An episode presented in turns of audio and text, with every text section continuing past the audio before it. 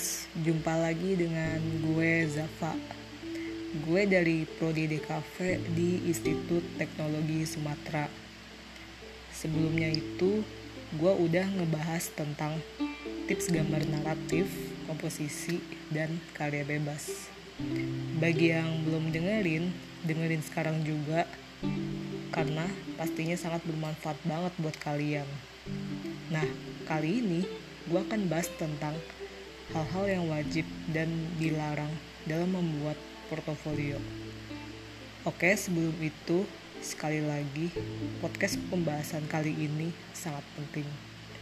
Jadi, buat kalian yang benar-benar ingin masuk jurusan DKV, seni rupa, dan lain-lain, kalian harus benar-benar nyimak juga dan jangan sampai terlewat bahkan berujung dengan kesalahan fatal.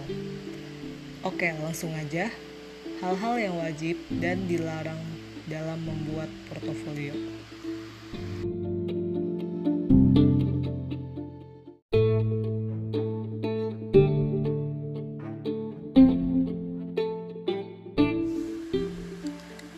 Pertama, dalam gambar naratif, usahain kalian jangan hanya menggunakan pensil 2B pada saat mengarsir.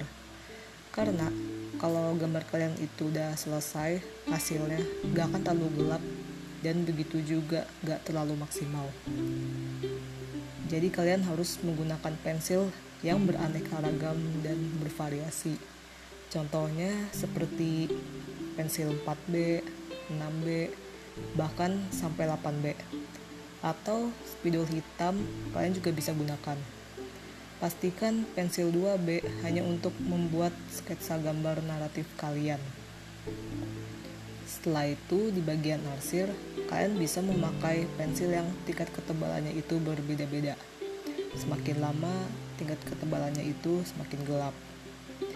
Kedua, jangan terlalu sering menggambar orang yang menghadap ke arah belakang, karena si juri atau penguji tidak akan tahu ekspresi wajah anatomi tersebut seperti apa. Kecuali kalau wajahnya itu masih agak sedikit kelihatan berekspresi. Dan yang ketiga, jangan menggambar anatomi dengan berwujud manga. Jadi buat kalian yang pecinta Jepang atau anime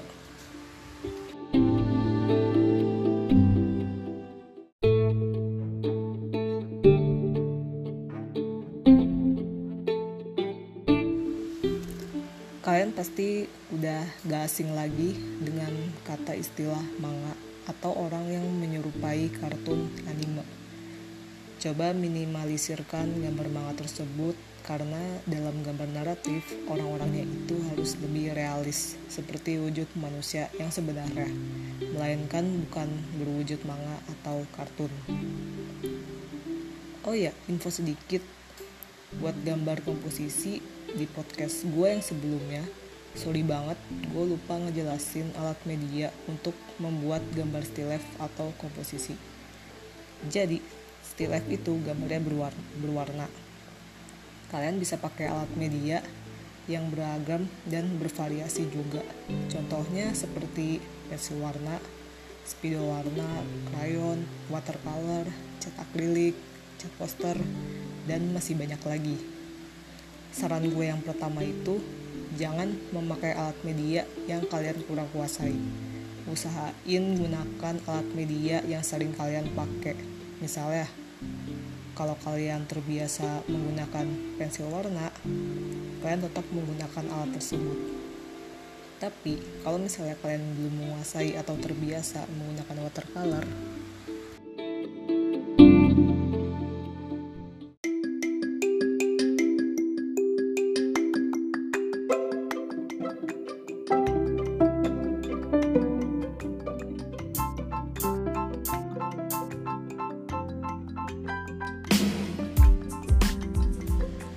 terus kalian paksa biar hasilnya keren atau lebih realistis.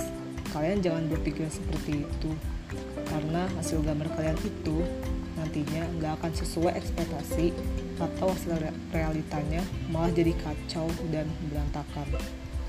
Jadi kalau kalian hanya mampu menguasai pensil warna maupun watercolor atau yang lain-lain itu juga nggak terlalu masalah sebetulnya kalian bisa juga dan sama sekali nggak dilarang banget buat mengkombinasikan alat media tersebut. Asal yang tadi udah gua bilang kalian harus mampu menguasai alat tersebut secara maksimal. Nah buat kalian bebas kalau misalnya kalian cuma pengen gambarnya black and white usahain jangan hanya memakai pensil yang biasa kalian gunakan untuk gambar suasana.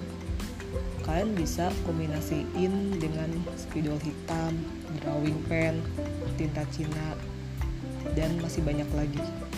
Agar hasil karya kalian itu nggak terlalu biasa atau monoton dan malahnya dan malah jadinya kurang bereksplorasi. Dan satu lagi kalian bisa buat karya bebas tersebut dari sekarang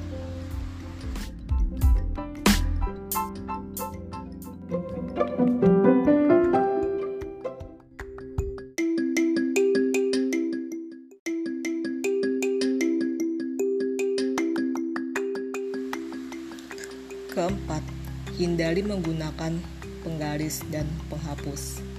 Nah, biasanya masih banyak banget nih kalian yang terlalu sering mengandalkan penghapus dan penggaris.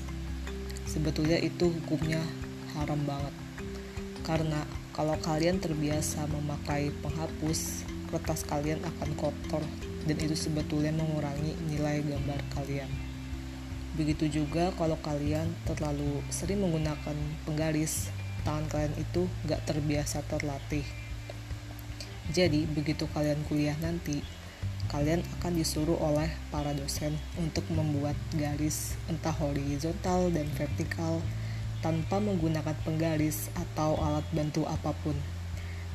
Dan itu pun kalau kalian ketahuan, otomatis kalian bakal disuruh ulang dan yang lebih parahnya lagi, kertas gambar kalian bakal disobek secara langsung dalam waktu singkat. Dan di sini ada kata pepatah dari mentor gue. Menghapus dikit-dikit, namun jangan dikit-dikit menghapus. Dan begitu juga dengan menggaris.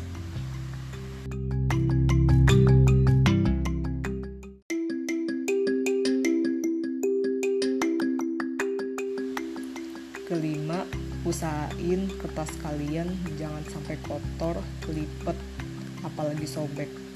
Itu yang paling fatal banget menurut gue. Jagalah kertas gambar kalian dengan baik sampai kertas tersebut layak menjadi portofolio kalian. Keenam jangan sampai terlewat bahkan salah menjawab soal. Biasakan kalian juga harus teliti dan cermati lagi apa yang udah diperintahin dari soal tersebut. Ketujuh, biasakan manajemen waktu. Oh ya, di tahun-tahun sebelumnya itu di beberapa PTN baik di jalur SNM maupun SBM dulu setahu gua sebelum ada sistem portofolio ada yang namanya tes keterampilan atau bisa dibilang tes secara langsung di kampus yang kalian pilih dulu di ITB ada tapi sekarang sistemnya itu beralih ke jalur mandiri. Kalau kalian penasaran kalian bisa dan boleh banget nyoba. Nah biasanya tes keterampilan itu waktunya cukup dibilang singkat karena kalian hanya menggambar dalam waktu 120 menit atau 2 jam. Jadi usahain ketika kalian saat menggambar gunakan stopwatch atau timer yang udah ditentuin oleh kalian dan harus selesai dalam waktu itu juga.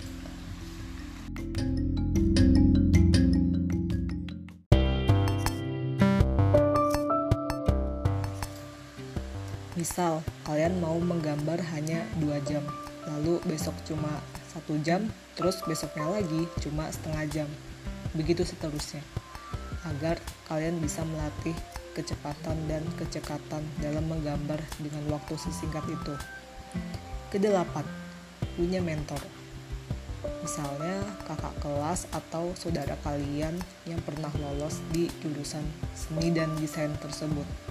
Atau kalau kalian ikut kursus gambar, kalian bisa asistensi sama mentor kalian di mana kalian bisa bertanya apa pun dan konsultasi dengan mentor kalian itu entah kekurangan dan apa yang harus diperbaiki dari gambar kalian. Nah, saran dari gue, kalian jangan sampai terlalu percaya diri bahwa gambar kalian itu udah kelihatan keren dan bagus banget. Padahal belum tentu juga pandangan dari orang-orang atau si penguji tersebut kalau gambar kalian itu bakal dibilang keren.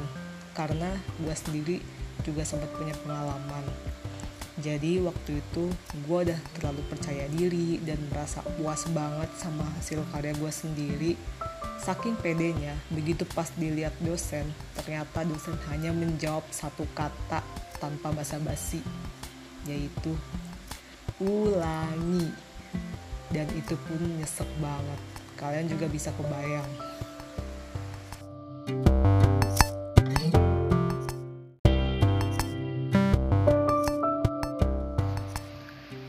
Karya sekeren atau seunik punya kalian itu tiba-tiba disuruh ulang apalagi disobek terus nggak mau kalian harus ngulang bikin karya itu lagi dalam waktu yang cukup singkat.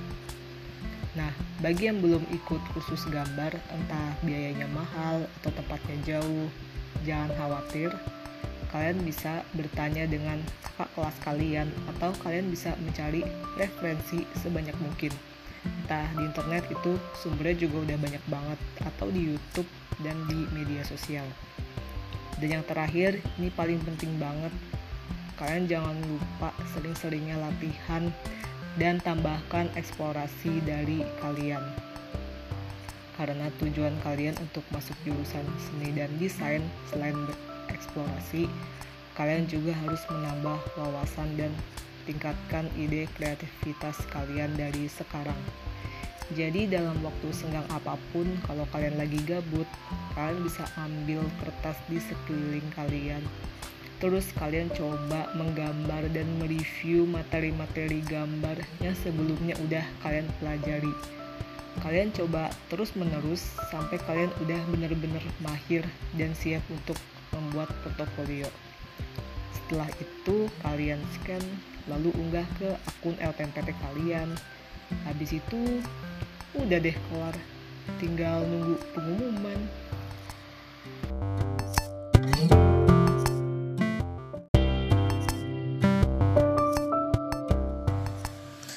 Oke, mungkin segitu aja podcast dari gue. Sekali lagi, jangan lupa terus latihan dan jangan lupa terus berdoa tetap semangat dan berusaha semaksimal mungkin karena usaha itu tidak akan mengkhianati hasil. Mohon maaf juga kalau gua punya perkataan dan penjelasan yang salah, bisa kalian perbaiki. Semoga bermanfaat dan semoga kalian dapat kabar baik. Gua tunggu ya kabar baik dari kalian. See you and goodbye.